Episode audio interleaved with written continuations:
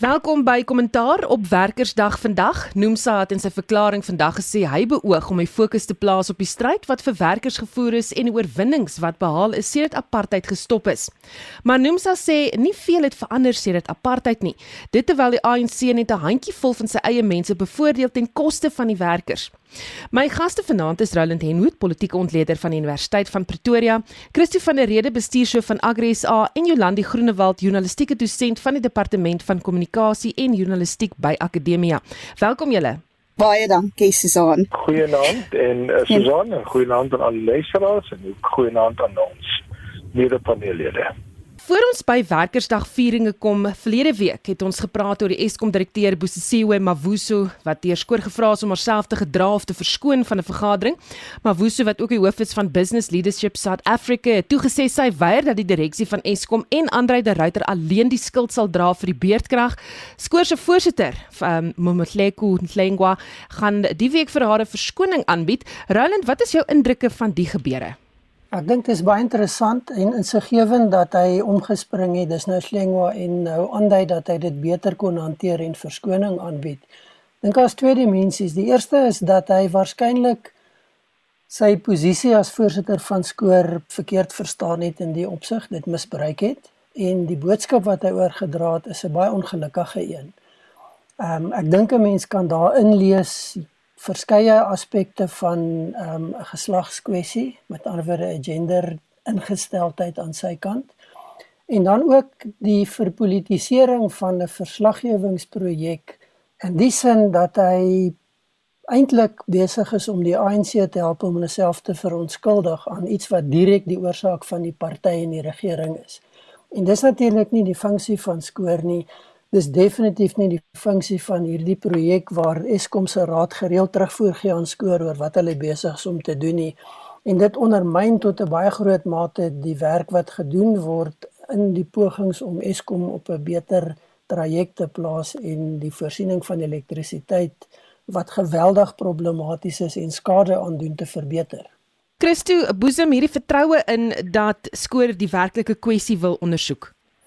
Ek dink uh, deels uh, vir die omdraai, jy weet in terme van uh, persepsie en strategie, hou maar verband met die uitsprake van president Ramaphosa homself.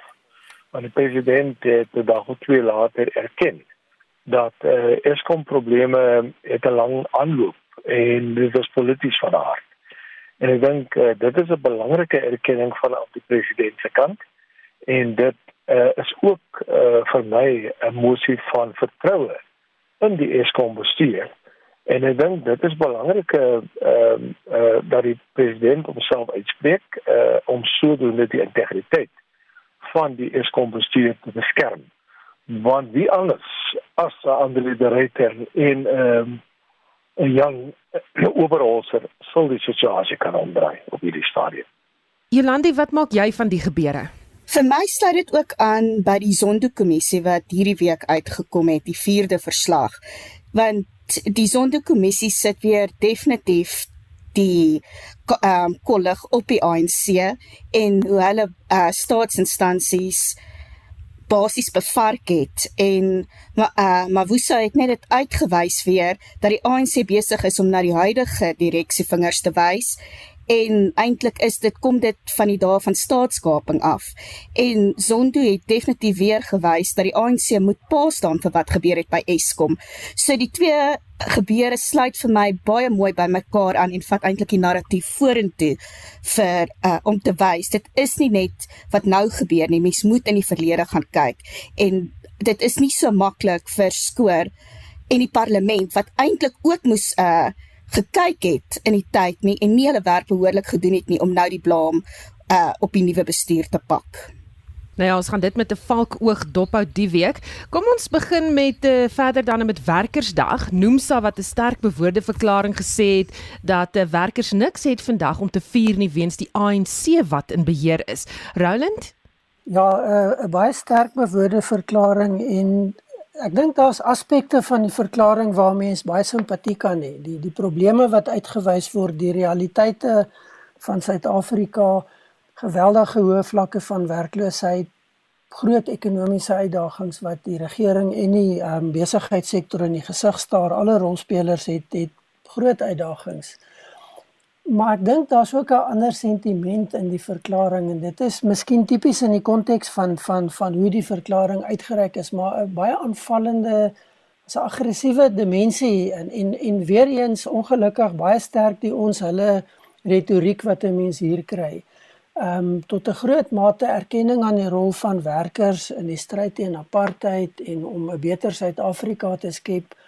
Maar dan gaan dit oor in 'n ons hulle aanval op almal wat iets doen en nie iets doen nie wat nie werkers is nie. En en ek het 'n probleem daarmee. Ek dink ons moet begin verby beweeg by hierdie tipe retoriek en baie meer begin kyk na wat is die gemeenskaplike belange en die gemeenskaplike moontlikhede. Daar's baie meer potensiaal daarin. Hierdie eng ideologiese historiese interpretasies gaan ons nêrens bring in Suid-Afrika nie.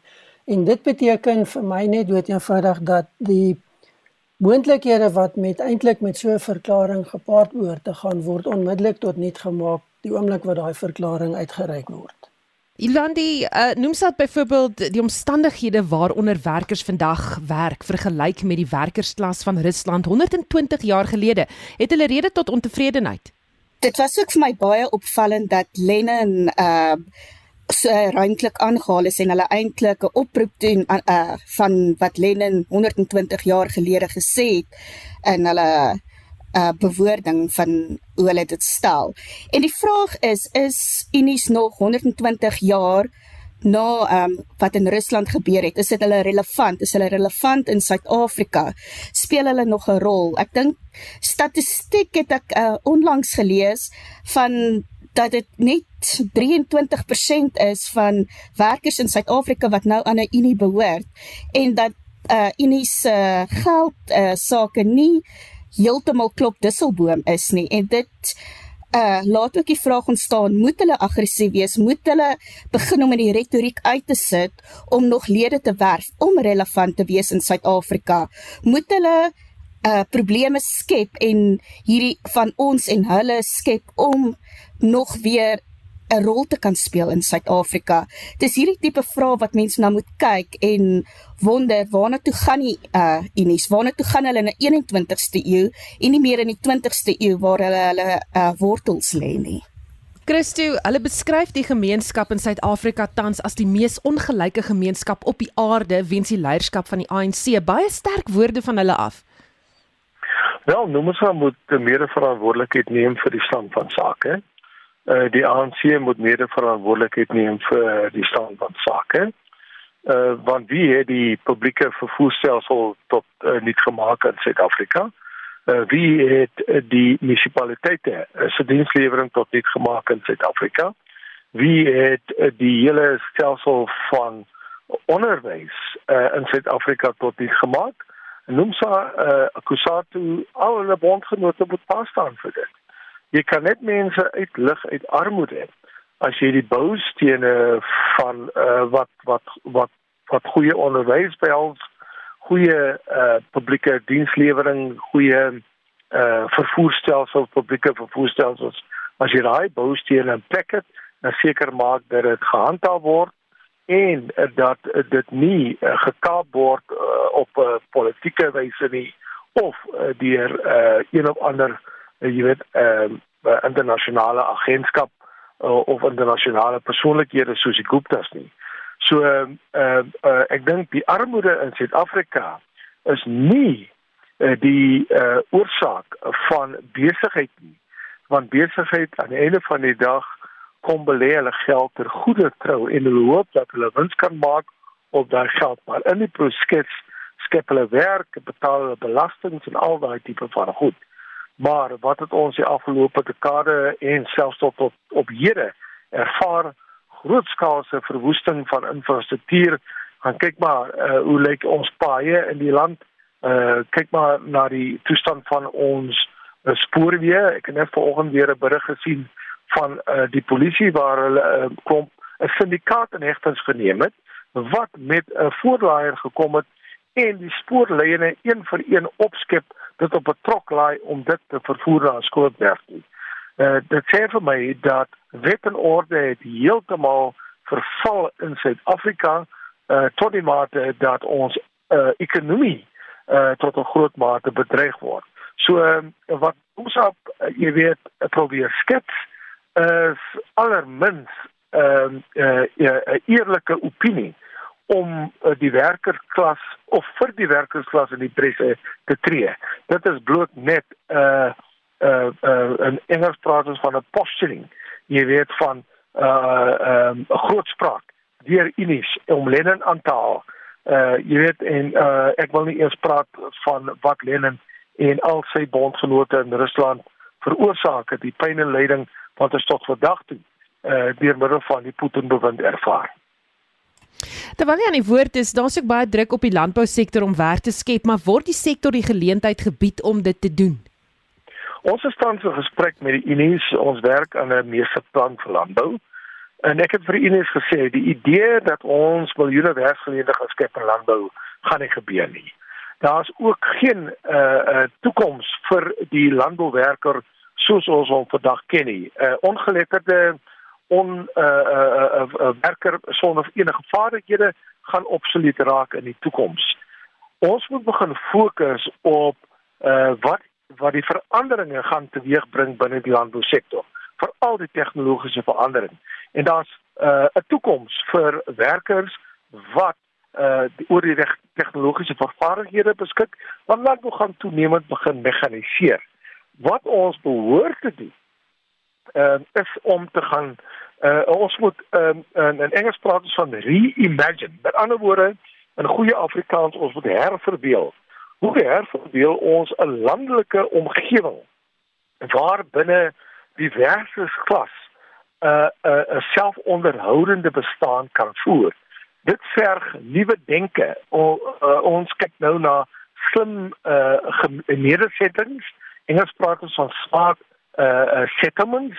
Uh ons kyk ook na nuwe geleenthede, ons sluiting van nuwe geleenthede in landelike areas, want dit is hoe ons die massas arme mense in Suid-Afrika 'n beter toekoms in landelike areas kan bied.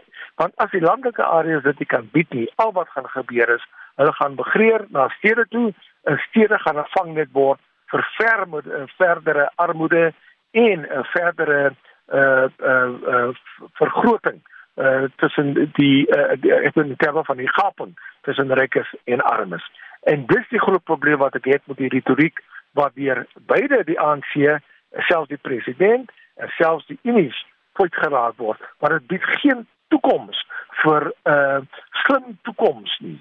Dit uh, spreek net die huidige pro of dit probeer 'n oplossing soek in uitgediende retoriek Roland uh, Nomsa het klem gelê op korrupsie. Ons het nou uh, die week gesien die Financial Mail byvoorbeeld se een opskrif is an ex-con is the new mayor of Beaufort West. Is dit 'n algrootende wordende stem wat kla oor die korrupsie en ander probleme wat die ANC dalk duur te staan kan kom by die stembusse? Dit is 'n belangrike stem en hier moet ons net so 'n bietjie gaan terugkyk.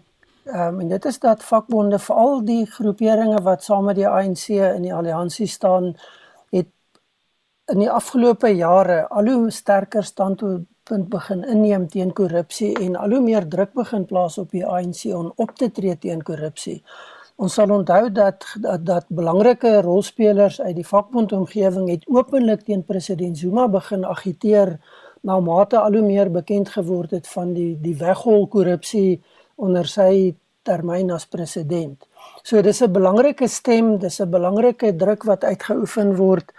Die vraag of hoe effektief dit gaan wees is natuurlik een wat 'n mens moeilik kan beantwoord Ehm um, die vakbonde is onder druk, hulle ledetal het geweldig afgeneem in Suid-Afrika. En ons sien nou dat die grootste vakbondgetalle sit binne die regering. Met ander woorde waar vakbonde 'n groot rol in die private sektor gespeel het, het dit eintlik maar geskuif uit die private sektor uit in die openbare sektor in. En nou sit jy met die konflik binne die regerende struktuur.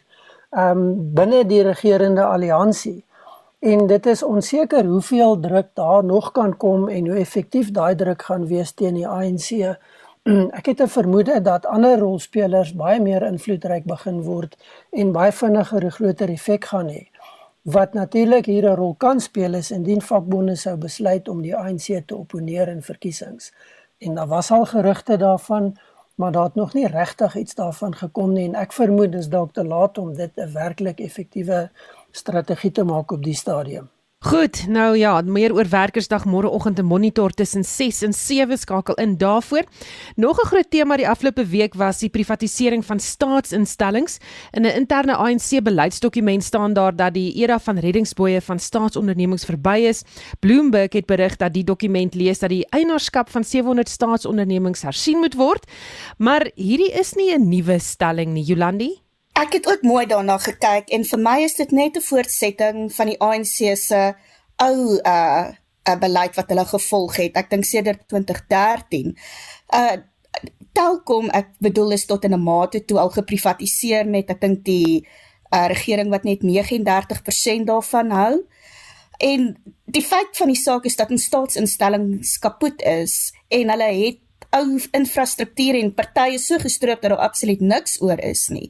So hulle het uh, die privaat sektor nodig om in te kom en te kom help op een of ander manier en ek dink selfs die ANC is nie heeltemal seker presies waarna toe hulle wil gaan uh met die privatisering nie maar dat hulle wel uh equity nodig het van uh privaat instellings uh dat hulle vennote nodig het om die staatsinstellings net weer aan die gang te kry en hulle kan nie meer die reddingsboeie bekostig wat hulle so vergewiglik in die verlede gegee het nie.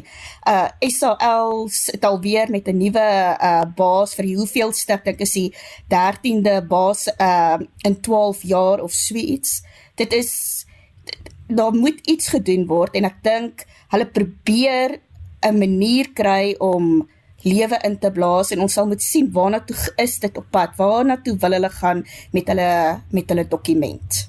Roland die woord privatisering word egter nie gebruik nie. Private deelname is hoe dit beskryf word. Wat sê die bewoording vir jou oor hierdie kwessie in die ANC se eintlike standpunt? In die eerste plek moet ons aanvaar dat dis 'n baie moeilike en 'n sensitiewe gesprek binne die ANC. Daar's 'n groot klomp mense binne die ANC wat glad nie te vind is vir enige vorm van privatisering of selfs private deelname nie. En en dit sluit onder andere in veral die vakbondlede van die ehm um, alliansie. Ook die SHKP is nie heeltemal gelukkig nie. So dis 'n baie sensitiewe saak. Daarby saam die verdeeldheid binne die ANC, ehm um, of dit nou die RET faksie is of watter ander faksie Dis mense wat geweldig sterk gekant is teen enige idee van die verwatering van absolute beheer deur die regering. En dit is teen daai agtergrond wat 'n mens moet gaan kyk na die keuse van woorde. Ek dink dit reflekteer wel in 'n mate veranderende benadering en dit hou waarskynlik baie sterk verband met nuwe denke en nuwe rolspelers.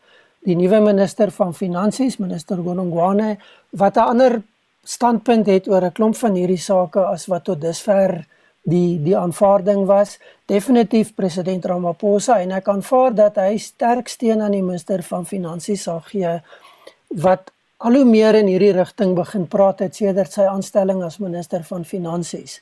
Maar dan moet ons ook onthou dat president Ramaphosa homself praat al baie lank van hierdie nuwe benadering en die feit dat daar samewerking moet wees tussen kundigheid uit die privaat sektor, finansiering uit die privaat sektor en die regering. So die idee is nie nuut nie, dis nie 'n verrassing nie. Ek dink wel die feit dat dit nou in 'n beleidsdokument kom is belangrik want dit beteken daar is pogings om dit baie meer te in um, in te bed in ANC denke en ANC beleidsraamwerke. Die interessante vraag wat vir my tog hier is is hoekom word dit nou so stuk stuk gelek? Is dit met opset? Is dit om 'n klimaat te skep voordat 'n mens kom by die beleidskonferensie? En dit sou waarskynlik die antwoord wees want dit lyk nie asof dit van opponente afkom nie. Dit lyk asof dit inligting is wat gedeel word om 'n positiewe klimaat te probeer skep.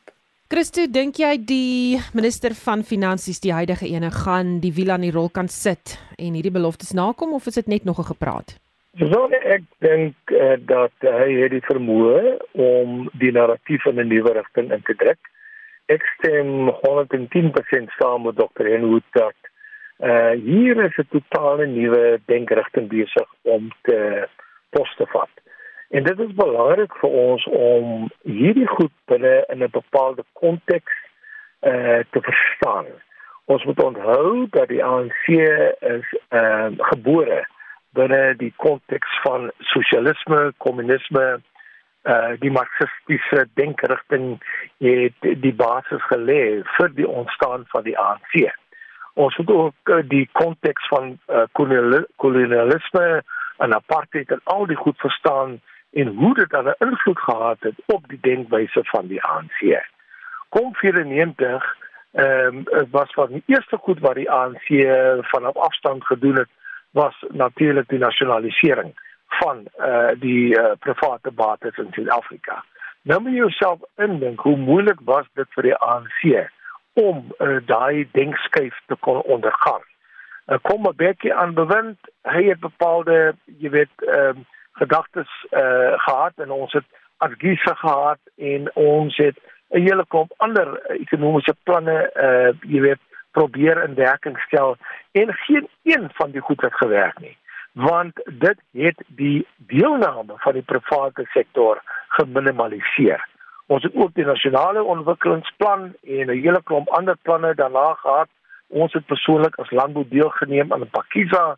Ons neem nou weer deel aan uh, uh die hele meestersplan en dit is baie interessant uh om te sien hoe besigheid toenemend en op 'n baie subtiele wyse uh hulle hulle hulle hulle mag ek wil dis 'n verkeerde woord om te gebruik maar hulle rol uh binne midde hierdie uh, uh ideologiese woelinge in ideologiese konflik uh um versterk.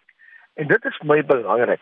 Ons sit hier en ek wil dit bekend doen ons moet baie versigtig wees om nie sommer hierdie planne net af te skiet nie En Roland is reg. Hier is bepaalde strategie aan die werk om weer ligting na buite te kry en ons moet versigtig wees om nie die goed net bloot af te skiet en sê, "Wow, maar die ANC is al weer besig om ons te mislei nie." Wat baie interessant was, ek het die dokument onder oog gehad. Aan die begin praat hulle weer van die nasionale demokratiese revolusie. en dan net in die volgende sin begin hulle toenemend praat van 'n woorde gebruik soos produktiwiteit woorde gebruik soos uh, uh, privaat uh, uh, uh, uh, inisiatief en vennootskappe. Die president homself het in sy uh, um, uh, staatsrede genoem dat dit is die privaat sektor wat die meeste werk skep.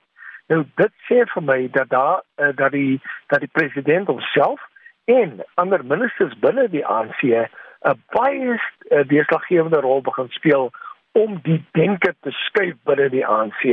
En ons as besigheid en as ehm um, civil society as burgerlike gemeenskap, ons moet verstaan wat hier aan die gebeur is.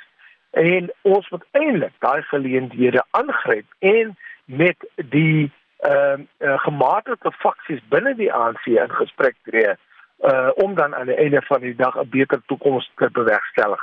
Want as ons dit nie doen nie, Susan, loop ons die gevaar dat ons die RET faksie in hulle hand sterk wat dan geweldige implikasies vir Cyril Ramaphosa en sy faksie vorentoe inhou.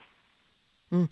Roland, uh, bring my terug by 'n vorige tema, die aanstel van Gayton McKenzie as die nuwe burgemeester van Beaufort Wes.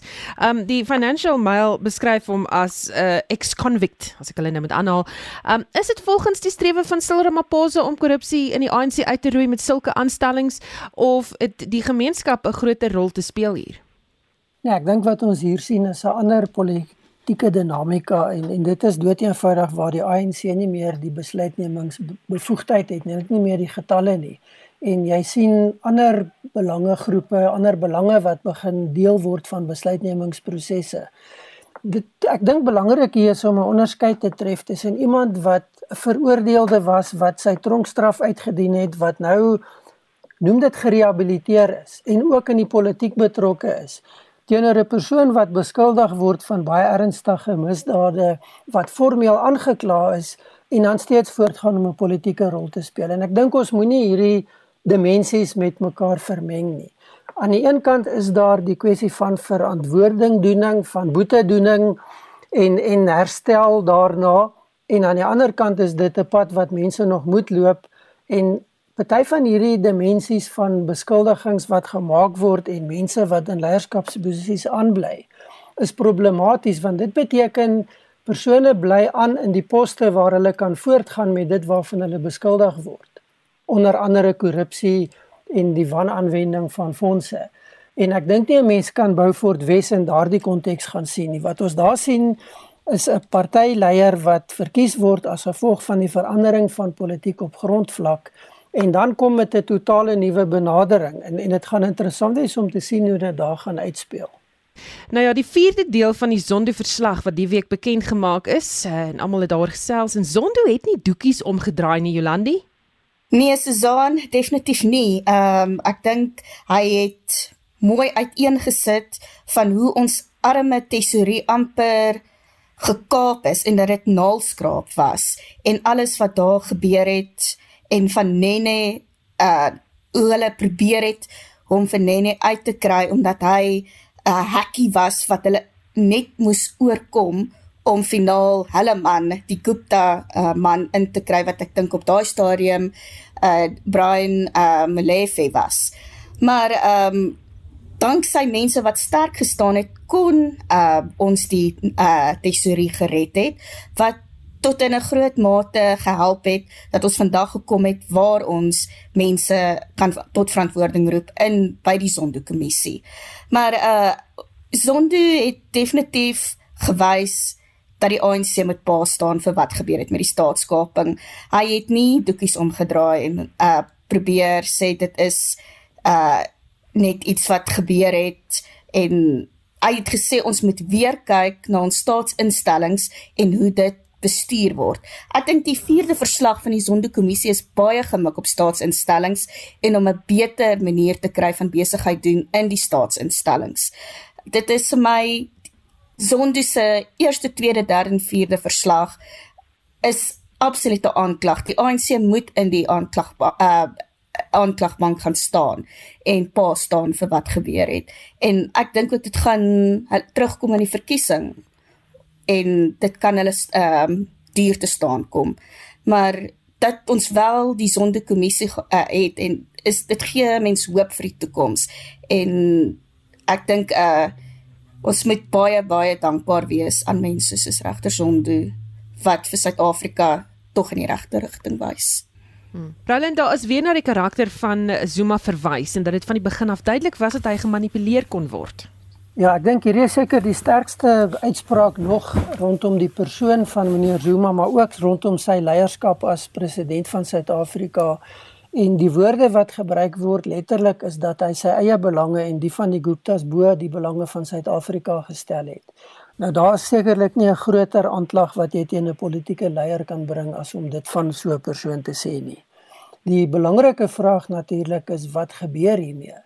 En ons weet van die pogings om hofsaake aan die gang te kry en aan die gang te hou waarby meneer Zuma betrokke is. Maar op 'n stadium sal daar waarskynlik 'n besluit geneem moet word oor wat is aanvaarbaar en wat nie, sonder om die belange van mense in die regsproses te na te kom dink ek dit is tyd dat daar gekyk word na hoe ver kan 'n individu gaan om te sorg dat jy nie voor die regbank verskyn nie. En hierdie gaan waarskynlik rondom die punt wat meneer wat ehm um, regter Zondo maak sentreer. Christo, die verslag het ook bevind in die geval van die verwydering van die finansminister toe dis in Landland Nene, ehm um, dis uit die pos om toe glo die hoof van die sogenaamde BRICS bank te word dat hy nooit wat hy wat Zuma is, nooit opgevolg het met Nene of hy oor die pos gekry het nie. En dat hy nooit die verwydering met die ANC se top 6 bespreek het soos hy beweer het nie. En dat hy wat Zuma was eh, bereid en gereed was om te getuig dat hy wel hierdie gesprek gehad het met die top 6 en sodoende nou eintlik sy kollegas dan onder die bus sou gooi. Sodan ons weet dat uh, op daai stadium was dit alles 'n klugspel. Uh, daar was geen uh, werklike uh, uh, poging uh, deur president Zuma op daai stadium om uh, uh, finansminister uh, Nene te soos hulle Engels sê te redeploy na uh, BRICS toe nie.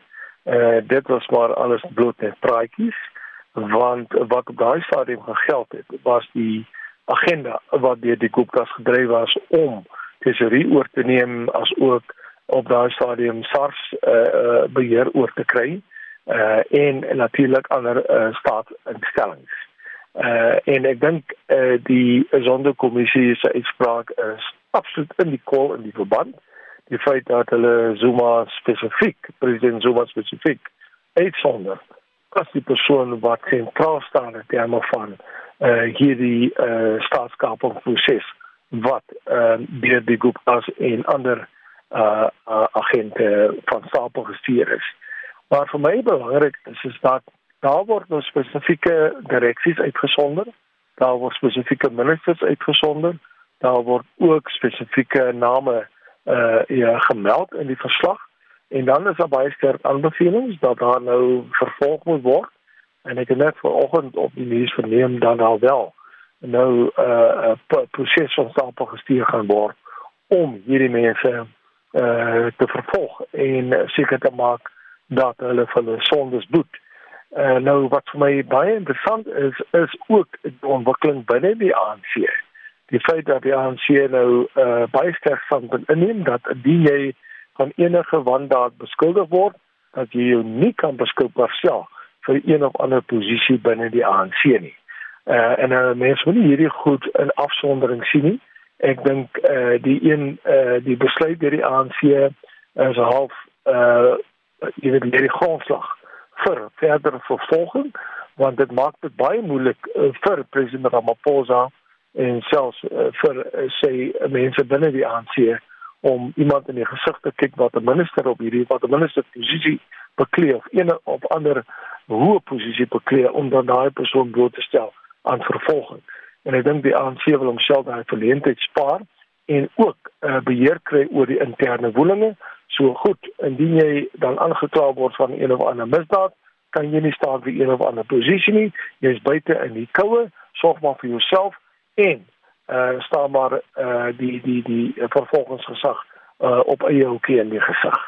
Dit gaan interessant wees om te sien of daar wel iets van kom, Roland. Ja, dit sal interessant wees. Ek dink dis een van die groot punte van kritiek en en frustrasie in Suid-Afrika is dat hoe verder die proses veral van die Zondo-kommissie volg, hoe meer begin ons bevestiging kry van dit wat lankal reeds in die openbare domein ek wil amper sê algemene kennis is. Die frustrasie is daar word so daar's nog nie sigbare optrede nie. Daar's bitter min wat gebeur in terme van die aanklag van mense, die vervolging en die suksesvolle vervolging van mense. Ons weet daar's nou 'n paar hofsaake aan die gang, maar dit is in baie vroeë dae en en en en die vraag is wat gaan gebeur? Gaan mense pa staan vir hulle wandade? Gaan mense op een of ander manier gestraf word? En en ek dink daar's twee dimensies wat in hierdie laaste verslag baie belangrik is en dit is dat die die verslag baie duidelik name noem van mense wat aangekla moet word 'n tweede kategorie van mense en instellings waar verdere ondersoek gedoen moet word met nogal duidelike riglyne van waarna gekyk moet word. Die afleiding is dat die kommissie nie mense skuldig bevind nie, maar waarskynlik redelik seker is dat daar genoeg is om sake te bou en mense te gaan vervolg. En en dan is daar ook die die derde punt en dit is dat daar spesifieke aksies geloods moet word om die staat se geld terug te kry van rolspelers wat op 'n onregmatige wyse 'n groot klomp geld in hulle sak gesit het. Ehm um, daar word verwys na suksesse wat reeds behaal is, ehm um, triljoen wat geld terugbetaal het, maar daar word gesê daar moet verder gegaan word. Dit is nie goed genoeg dit wat tot dusver gedoen is nie. Ek ek dink 'n punt wat miskien hier belangrik word wat 'n mens kan bybring en, en ek wil aansluit by wat Christine net nou gesê het, dit, dit raak moeilik. En ek dink nie 'n mens moet onderskat die effek hiervan nie. Maar nou word daar verder byvoorbeeld gesê dat mense wat na president Ramaphosa is, adjunk minister Zizi Kodwa, kan nie daar moet gekyk word kan hy sy amp aanhou beklee wat hy het gegeewe dit wat nou in die kommissie se verslag staan. Nou dit is moeilike sake want dit beteken jy werk nie nou meer net met ander mense en jou politieke opponente nie. Jy kom nou baie na aan jou eie belange. En ek dink dit gaan 'n baie belangrike toets word van hoe ernstig is meneer Ramaphosa, maar ook hoe ernstig is die ANC as regering om werklik hierdie ehm um, sake te hanteer soos wat die verwagting is dit hanteer moet word. Jolandi Zondo het ook verwys uh, na die vervalse intelligensieverslag oor Gordon en sy toe-adjunke Jonas. Um, wat was Zuma se rol hierin of hoe bekommerd moet ons wees oor hoe maklik dit was om die agentskap te manipuleer? Ek dink ons moet baie bekommerd wees en daar is geen rede hoekom dit nie weer kan gebeur nie as ons nie die nodige uh teenwigte in plek sit om dit te voorkom nie. So ek dink die Zondo verslag is ook 'n waarskuwing van hoe dit gebeur het en wat ons moet doen om dit te kan bekamp dat dit nie weer gebeur nie. Uh dit was baie maklik om 'n Tom Moyani uh in te bring en met Tom Moyani het dit net van daar af uh het hy baie maklik al die uh dit in plek gesit om die nodige mense aan te kla, valse verslae en ek dink ons moet ook nie die media se rol onderskat nie van hoe valse verslaat in 'n uh, baie goeie koerant soos die Sunday Times opgeëindig het en hoe dit uh al uh vir SARS ondermyn het en 'n groot rol gespeel het om druk te plaas op uh mense wat 'n groot rol wou gespeel het om die staatskaping te uh, te bekamp. Mense soos Johan van Logrenberg, ons moet nooit hierdie mense vergeet wie se loopbane geruïneer is die, omdat hulle in die pad probeer staan het van staatskaping nie. En ek dink dis daarom die, die nasionale vervolgingsgesag is wat definitief hulle moet nou optree. Ek dink die vergelyking is dis iemand wat in 'n groepsprojek werk. Ek het ook hierdie vergelyking gelees vroeër in die week. Die Sonderkommissie het hulle werk nou gedoen. Hulle het hard gewerk, die verslaas uit. Maar nou moet die ander vernoot die uh in hierdie groep staak. Die nasionale vervolgingsgesag sorg dat hulle ehm um, hierdie groep staak tot by die eindpunt kry dat hulle die vir Suid-Afrika gee wat hulle benodig en dit is mense wat vervolg word en in die tronk op die ou einde beland. Dit is my baie belangrik. Christus so laaste vraagie oor um hy die ANC dis 'n sondo die ANC leierskap geloof omdat hulle opgestaan het teen Zuma se besluit om Brian Molefe aan te stel as die van minister van finansies. Maar verdien hulle die lof? Ek dink dit is belangrik uh om om die en ek het voorheen dit genoem die konteks die politieke konteks waarbinne die ANC self bevind uh om dit te verstaan. En ek dink uh kom ons gee krediet waar krediet ehm um, jy weet regverdig word. Maar wat vir my belangrik is, is Susan, is dat as president Ramaphosa nie nou sy hulle gaan styf maak en hierdie sonderkommissie se verslag, die finale verslag tot die land se voordeel gaan gebruik nie, gaan die president homself in 'n bitter moeilike posisie bevind want die kongres van die ANC lê voor Eh, die uh, die die radikale ekonomiese transformasie faksie is daarop uit om hom lewendig af te slag en hy het nou die geleentheid om hulle vir eens en vir altyd te neutraliseer. En hy dink dit ding dit indien hy dit nie gaan doen nie is uh, hy homself in die moeilikheid uh, en ek die ANC in verdere groter moeilikheid maar ek dink dit is die land en sy mense wat die einde van die dag aan die koste en gaan trek. Dan as hierdie ADT faksie land gaan oorneem, dan kan ek my net indink wat uh uh die wat wat gaan gebeur in terme nie net van die ekonomie nie, maar in terme van die uh sosiale uh uh jy weet uh, kohesie uh wat so broodnodig is om ons land se mense bymekaar te hou. Hm. En Christus het gepraat van die RET faksie, die leierskapstryd in die ANC woed voort. Sal Zuma sy naam weer in die hoed gooi of gaan hy dit op 'n ander manier doen deur middel van byvoorbeeld Zwelin Mkhize? Dit is maar een van daai moeilike vrae. Uh, ons sal sien wat gaan gebeur, maar ek wil uh, net noem dat Zuma uh, in die RET faksie is hard besig om uh, met strategieë na vore toe te kom ons sien hoe dit uh, uitspel op verskillende terreine en eh uh, hoe gouer en hoe uh, en hoe meer effektief eh uh, sodat Ramaphosa gaan optree hoe beter. Kom ons gaan nou eers na die buiteland. Ek sien dat uh, Steenhuisen besoek Oekraïne om self die feite uit te vind. Suid-Afrika durf nie voorgee dat die voorslepende konflik tussen Rusland en Oekraïne niks met ons te doen het nie, sê John Steenhuisen, die DA-leier, Netwerk 24 berig. Hulle het pas berig. Hy het Sondag aangekondig dat hy in die weste van Oekraïne aangekom het van waar hy 'n 6 dae lange toer deur Oekraïne sal onderneem om self die situasie vas te stel in die land wat vir meer as 2 maande onder beleg is deur die Russiese weermag. Roland, jou indrukke van sy besoek? Baie interessant. Ehm um, ek dink dis dit begin 'n politieke pelgrimstig word van belangrike mense om Oekraïne te besoek. Ek sien die spreker van die Kongres in Amerika is ook op pad soontoe. Nancy Pelosi, die mees senior Amerikaanse amptenaar wat daar 'n besoek gaan aflê en Boris Johnson was daar en so kan 'n mens nou maar die lys gaan noem. Ek dink tog dis belangrik dat 'n Suid-Afrikaanse gesig daar gesien word. Um, ek deel die geweldige kritiek wat teen ons regering uitgespreek word oor ons hantering van die Oekraïne kwessie. Um, ek dink nie dit is die regte besluit nie. En en kom ons kyk net wat is die agtergrond?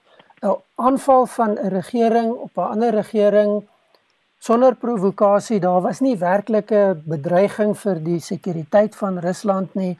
Ehm um, daar's 'n klomp ideologiese en simboliese ehm um, aspekte dit is onwettig, dit mag nie gebeur nie en ek kan nie sien hoe Suid-Afrika met die argumente wat ons dusver gehoor het enigsins die standpunt kan huldig wat ons geneem het nie. So dit is tog goed dat daar 'n uh, besoek is 'n bietjie meer aandag op die saak kom met 'n Suid-Afrikaanse perspektief. Ehm um, dit sal waarskynlik afgemaak word as politieke opportunisme en tipiese DA oppositiepolitiek. Ek dink dit maak saak nie. Die die kwessie van die Oekraïne is iets wat geweldig belangrik gaan wees vir 'n baie lang tyd nog. Hierdie is nie 'n konflik wat vinnig gaan klaarmaak en gaan verdwyn in die niet en dan gaan ons maar net weer aan nie. Dit gaan die wese van die politiek in Europa en waarskynlik in die res van die wêreld verander. En ons kan nie koud staan daarteen nie en ons kan nie terug staan en sê ons moet praat en ons moet praat maar ons neem nie 'n standpunt in nie. Christie op die landboufront, hoe groot is die impak? Daar's nog baie wat bekommerd is oor voedselsekerheid. Die boere van Suid-Afrika is baie veerkragtig. Uh, ek kan persoonlik daarvan getuig in 'n provinsie soos die Vrystaat waar uh, boere weerlike, jy weet, mielieoeste verloor het as gevolg van die vloede vroeër hierdie jaar. Is die boere besig om koring te plant uh en uh boere gryp uh jy weet die geleenthede in Suid-Afrika aan om die tekorte wat ontstaan as gevolg van invoere van oorsee om dit plaaslik aan te vul. En uh ons is baie bly daaroor wat natuurlik 'n baie groot uitdaging is is maar die insetkoste. Uh petroleumkoste het redelik gestyg. Die rand het nou weer terme van sy waarde jy weet uh, vir uh, uh, verloor teen die dollar. Uh So dit maak al ons invoere weer duurder. En dan sit ons ook natuurlik met geweldige stygings in die koste van kunsmis en allerlei ander insette uh ook. Maar uh ek dink Suid-Afrika is redelik uh jy weet uh, uh, uh voedsel seker.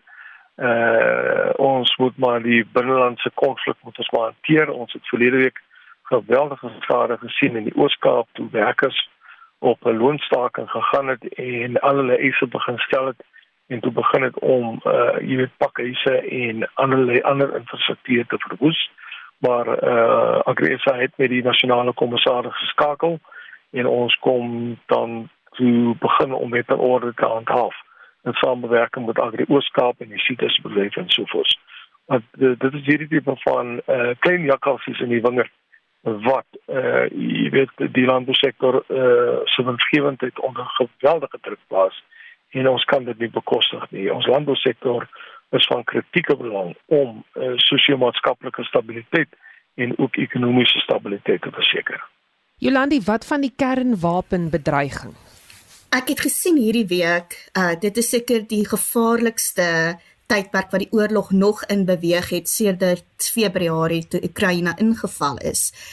Ek dink dit is omdat die veral die westerse en ehm um, veral NATO uh, of NAVO op 'n manier ge, meer aggressief geraak het en meer ook van Amerika was daar meer aggressiewe uh verklaringe wat hulle gemaak het. Ek dink ehm um, uh Austin Lloyd het uh of Lloyd Austin het spesifiek ook gesê hulle dink Oekraïne is besig om die oorlog te wen en dit raak baie gevaarlik vir Rusland. Ek dink daar was ook berigte daarvan dat Oekraïne self vir uh Rusland ook begin binneval het en dit stuur alles dit maak dit warmer in die omgewing. Die oorlog Oekraïne doen baie goed en ek dink vir die eerste keer besef almal dat Oekraïne kan vir Rusland wen en dit maak dit gevaarlik want Rusland Putin kan nie bekostig om sterk tussen die bene weg te gaan nie. Hy moet op 'n manier 'n oorwinning of 'n tipe van 'n 'n illusie van 'n oorwinning skep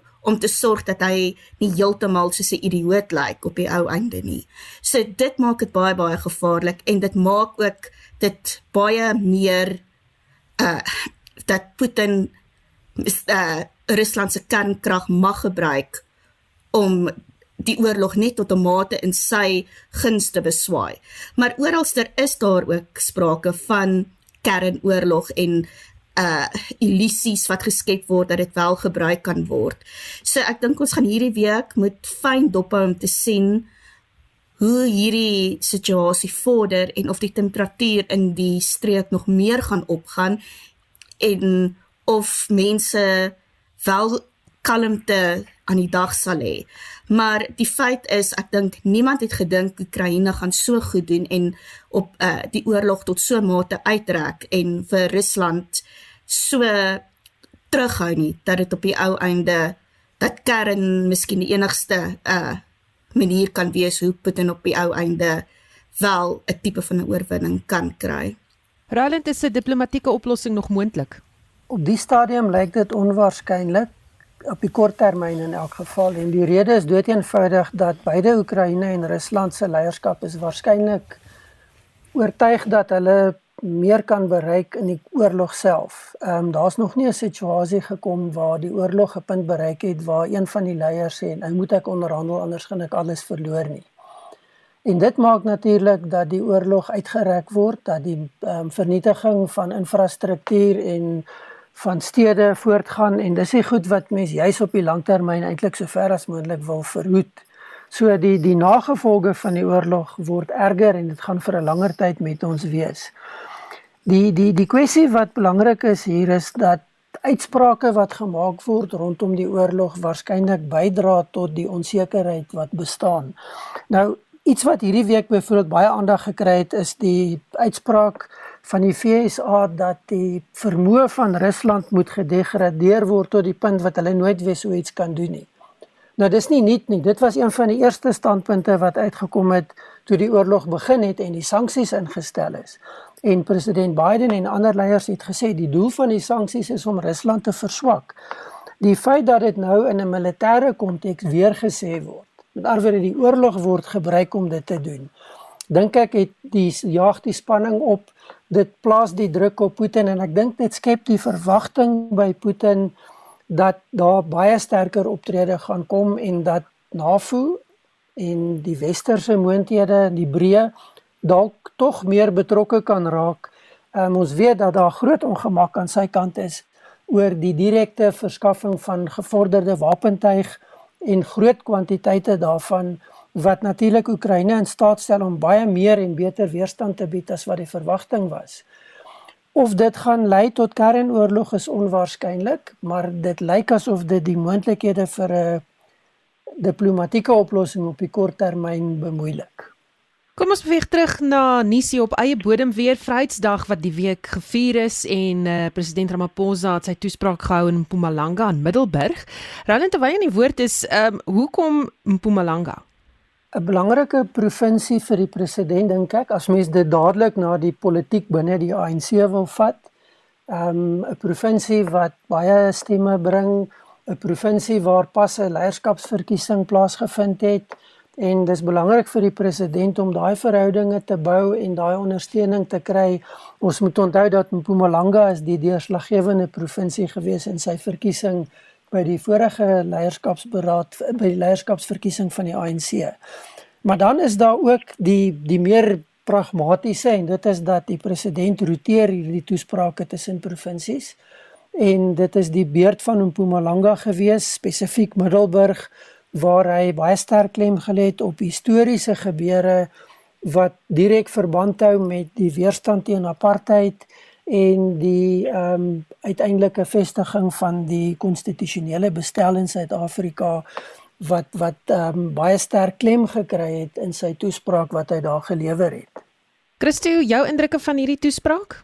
Ja, dit is baie interessant dat hy baie klem geleer het op die rol van kontrolesa, die tradisionele leiers en dan het hy 'n baie spesifieke versoek aan hulle gerig dat hulle moet fokus op vroueregte, hulle moet fokus op jeug uh, werkloosheid en hulle moet met nuwe idees na die tafel toe kom.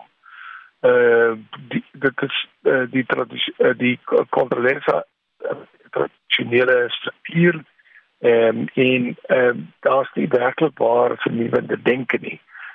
en ek dink in daai opsig het die president dan baie spesifieke versoek aan hulle gerig om nie te dink oor hoe ons as 'n nasie en veral 'n rol in terme van dit hoe ons aan die uitdagings van die 21ste eeu kan begin aanspreek. Nou uh ek het vroeër genoem, jy weet uh, Suid-Afrika het baie bepaalde of uh, wat ook al ons oor praat, moet ons altyd uh, binne in 'n bepaalde historiese, politieke en ekonomiese konteks bedink. Uh en uh, jy kan nie bloot uh, net voorskrifklik gaan wees en vir mense sê maar van nou af moet julle so dink en so optree nie. Uh, want Suid-Afrika in die algemeen is 'n baie tradisionele samelewing. Uh, maak nou nie saak of jy aan die uh, aan watter spektrum van die van die uh, etniese reënboog jy sit nie. Uh, Suid-Afrikaners oor die algemeen is baie tradisioneel. So ek dink die uh, hier sien ons ook uh, uh, uh, jy weet nuwe nuwe uh, gedagtes uh, in 'n nuwe gedagtegang. Uh, daar is nuwe uh, woorde wat gebruik word wat die basis lê vir 'n nuwe narratief deur die president en ek dink 'n mens moet 'n bietjie waardering daarvoor hê. Die groot vraag dit is is in hoe mate gaan dit in die praktyk uh, natuurlik uh, realiseer. En ek dink dit is uh, waar die samelewing as geheel eh uh, veral hierdie tipe van instellings tradisionele instellings tot verantwoording moet roep want kontrolesa kan 'n massiewe rol speel in terme van die ontwikkeling van veral jou tradisionele bewoners van eh uh, die kommunale gronde. Ek bedoel daai gronde lê daar onbenut. Eh uh, dit is hartseer om te sien hoe eh uh, die die die die die vlakke van ontwikkeling eh uh, die hoeveel geld wat spandeer was op ontwikkeling maar daar geen noemenswaardige ontwikkeling plaasvind in terme van onderwys en terme van uh, dienslewering, uh, gesondheidsdienste en so voort nie. En ek dink eh uh, veral wat vandag was baie spesifiek om ook eh uh, hulle tot tot groter hoogtes aan te spoor. Hmm. Roland, terwyl Christina praat oor Controlesa, ehm um, jy weet, wat is die kans dat dit gaan realiseer? Dit gaan afhang van die leierskap en dit gaan afhang van hoe mense hulle belange beoordeel. Ek en ek dink hier's twee belangrike dimensies. Een van die ander sake wat die president aangeraak het is dat tradisionele leiers moet 'n groter rol speel om hulle geskiedenis bekend te maak, om hulle geskiedenis op te teken. En deel van sy argument hierom was dat toerisme baie meer benut moet word ook in die gebiede waar hierdie tradisionele leiers gevestig en gesetel is. Dit was sterk klem gelê op die ontwikkeling van die toerisme potensiaal en die samewerking met ander rolspelers om dit moontlik te maak binne die konteks van 'n historiese bewustheid. So so dis die positiewe elemente en die beroep, maar ook die geleenthede wat uitgewys word wat daar is. Ongelukkig en ek dink dis dis wat Christo na verwys die die feit dat dit nie noodwendig effektief gedoen word nie of dat dit nie deurlopend gedoen word en dat dat baie van hierdie projekte eintlik net geloods word en dan tot stilstand kom. En dis 'n funksie van leierskap. Die die die kwessie hier is Hoe sien politieke leiers hulle rol?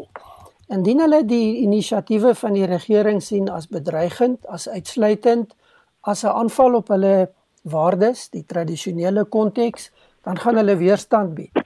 Indien hulle dit sien as positief, as ondersteunend, gaan daar waarskynlik 'n groter mate van samewerking wees.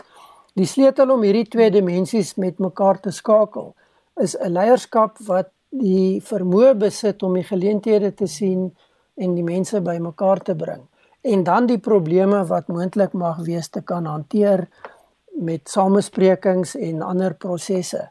En ek dink dit is waar ons geweldig tekortskiet in Suid-Afrika. Die politieke vertroue is nie noodwendig daar nie en dan saam met dit die die die tipe leierskap is nie noodwendig die tipe leierskap wat daarop ingestel was in die verlede nie.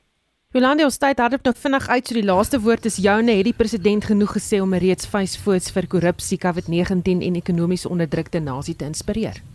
Ek dink nie so nie Susan. Ek dink die boodskap kan nog sterker uitgaan en ek dink dis nie net woorde wat die president moet gebruik nie, maar aksies.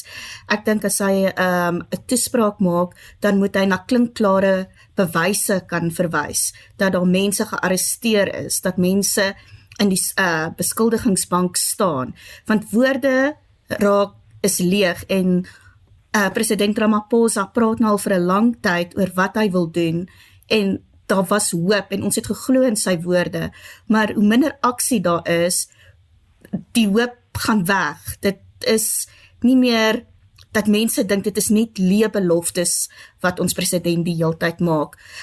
Om regtig sterk aksie uh te wys vir die mense van Suid-Afrika wat hulle verdien, sal president Ramaphosa in sy volgende toespraak moet wys met aksie eerder as woorde ehm um, dat Suid-Afrika op die regte pad moet kom en dat daar aksie geneem gaan word teen die staatskapers en almal wat Suid-Afrika wil ondermyn. Baie dankie. My gaste vanaand was Jolande Groenewald, journalistieke dosent van die Departement van Kommunikasie en Journalistiek by Akademia, Roland Henwood, politieke ontleder van die Universiteit van Pretoria en Christo van der Rede, bestuurshoof van Agri SA. My naam is Susan Paxton. Volgende week maak ons weer so.